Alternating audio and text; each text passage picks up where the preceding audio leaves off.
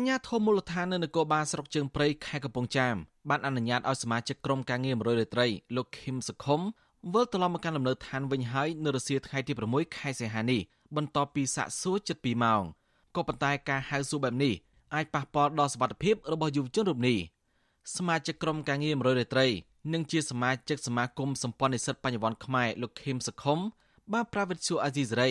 ថាអាញាធរនៅនគរបាលបានបង្កប់ឲ្យលោកបង្ហាញផុសតាងនៅទីតាំងជាក់ស្ដែងអំពីការប្រាស្រ័យនិងចែកចាយគ្រឿងញៀននៅក្នុងឃុំខ្នងដំបងស្រុកជើងព្រៃលោកយល់ថាទោះបីជាអាញាធរមិនបានគម្រាមកំហែងដល់លោកក៏ដោយក៏ការហៅសួរបែបនេះអាចធ្វើប្រាប់ផ្សេងទៀតភ័យខ្លាចមិនហ៊ានរាយការណ៍អំពីបញ្ហាគ្រឿងញៀនដែលកំពុងកើតឡើងនៅក្នុងមូលដ្ឋានលោកសង្កត់ធ្ងន់ថាការសួរនាំរបស់អាញាធរហាក់មិនបានគិតគូរបានល្អិតល្អន់អំពីសវត្ថិភាពផ្ទាល់ខ្លួនរបស់លោកទេ ព្រោះការសាកសួរលោកនៅសាលាឃុំពុំមែនជាដំណោះស្រាយសមរម្យដើម្បីធានាពីសន្តិសុខរបស់លោកទេ បើសិនជាពលរដ្ឋធម្មតាអ្នកដែលចង់រាយការណ៍អ្នកដែលចង់ប្រាប់ទៅរឿងហ្នឹងគឺគាត់មិននិយាយសោះនៅពេលដែលគាត់ឃើញខ្ញុំផ្ទាល់អញ្ចឹងណាគាត់មិនហ៊ាននិយាយហើយគាត់ក៏មិនហ៊ានរាយការណ៍ទៅថ្នាក់លើទាំងសង្គមគាត់មានអត់ខ្វះទេអ្នកដែលដឹងថានៅនេះអ្នកប្រើប្រាស់គ្រឿងញៀនច្រើនប៉ុន្តែគេមិនហ៊ាននិយាយហើយបើសិនជាគេឃើញដូចខ្ញុំគេហៅទៅគ្រាន់គ្រាន់គេមកហៅខ្ញុំទៅហ្នឹងពួកគាត់ម្នាក់ម្នាក់សភ្នែកជ្រាហើយគាត់បារម្ភគាត់ភ័យអញ្ចឹងណាកាលពីពាក់កណ្ដាលខែកក្កដាកន្លងទៅលោកឃឹមសខុម បានផ្ញើសារទៅកាន់ប្រអប់សារនៃទំព័រ Facebook របស់រដ្ឋមន្ត្រីក្រសួងមហាផ្ទៃលោកសខេងដើម្បីឲ្យរដ្ឋមន្ត្រីរូបនេះជួយទប់ស្កាត់ការរាលដាលគ្រឿងញៀនដែលកំពុងកើតឡើងច្រើននៅក្នុងឃុំខ្នងដំបងស្រុកជើងព្រៃយុវជនរូបនេះសម្ដែងក្តីបារម្ភឲ្យប្រាប់លោកសខេងអំពីអត្តពលអាក្រក់នៃគ្រឿងញៀនដែលប៉ះពាល់ដល់យុវជននិងសង្គមជាតិក៏ប៉ុន្តែសាររបស់លោកមិនទទួលបានការឆ្លើយតបវិញទេជុំវិញរឿងនេះមេឃុំខ្នងដំបងលោកឌីដិន បកស្រាយថានគរបាលនិងអាជ្ញាធរបានហៅបរិវត្តរំនេះទៅសាកសួរមែនដើម្បីសហការគ្នាស្វែងរកតម្រុយបង្ក្រាបគ្រឿងញៀននៅក្នុងសហគមន៍ពុំមែនជាការគម្រាមកំហែងនោះទេលោកបញ្ជាក់ថាសមត្ថកិច្ចចង់បានព័ត៌មានច្បាស់លាស់ដើម្បីបង្ក្រាបបទល្មើសគ្រឿងញៀន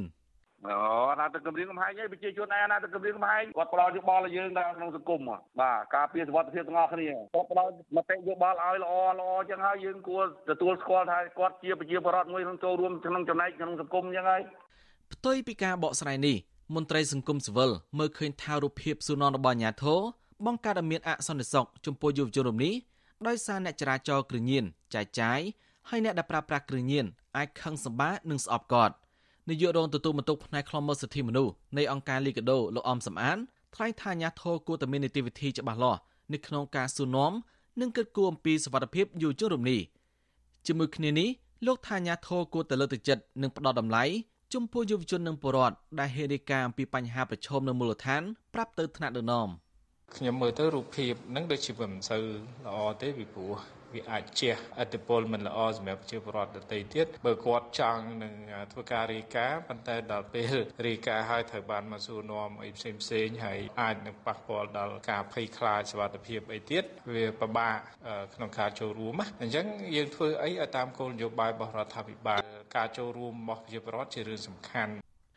មន្ត្រីសង្គមសវររំនេះបន្ថែមថាប្រសិនបើការរាយការណ៍របស់យុវជនរំនេះជាការពិតមែនសមាជិកខេត្តកំពង់ចាមត្រូវតែស្រាវជ្រាវចាត់វិធានការជាបន្ទាន់ដើម្បីរក្សាសន្តិសុខសวัสดิភាពជូនប្រជាពលរដ្ឋស្របតាមគោលនយោបាយភូមិឃុំមានសวัสดิភាពរបស់រដ្ឋាភិបាល